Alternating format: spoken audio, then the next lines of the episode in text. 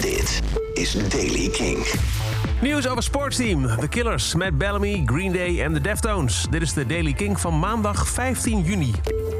Het scheelde niet veel. Bijna was Sportsteam de eerste Britse band in vier jaar... dat met een debuutalbum binnenkwam op nummer 1 in de albumcharts. Maar slechts 600 exemplaren zaten er tussen hun Deep Down Happy...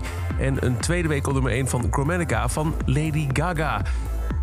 Het was Blur vs Oasis en wij waren Oasis, zei Sportteam. Een dag na een gigantische slagveldorganisatie... waarbij iedereen wordt opgeroepen om toch vooral het album van Sportteam te kopen. Zelfs grote sterren als Lewis Capaldi hebben hun Twitter-following opgeroepen. Doe mee, want dit zou Britse muziekgeschiedenis kunnen worden.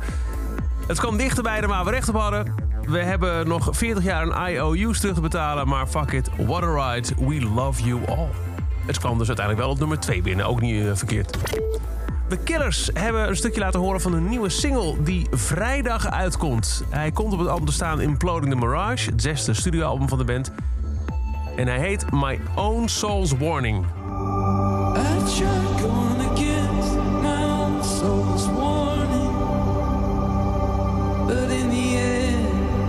something just didn't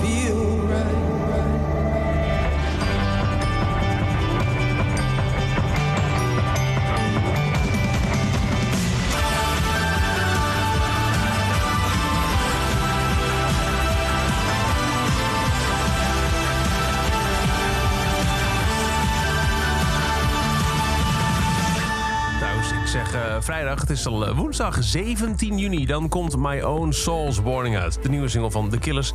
Dit is wat ze hebben laten horen op hun Instagram-pagina. Matt Bellamy en zijn vrouw Elle hebben een kindje gekregen. 7 juni werd Lavella Dawn Bellamy geboren. Um, het is uh, het tweede kind van Matthew Bellamy. Eerder kreeg hij al een zoon Bingham met zijn vorige vrouw Kate Hudson in 2011. Green Day gaat na de Hella Mega Tour ook nog een tour doen met twee andere rockhelden. Uh, het is een kleine tour met helaas nog geen Nederlandse data. Maar naast de uh, gereschedulede Hella Mega Tour data voor 2021 komt er ook een tour met Frank Carter en de Rattlesnakes en de Manic Street Preachers. Op dit moment staan er data gepland in Helsinki, Stockholm en Alessund. En we hopen op meer. En de Deftones hebben hun nieuwe album voltooid. De drummer van de band, Abe Cunningham, heeft verteld dat het album momenteel wordt gemasterd... en ze hopen het uit te brengen in september.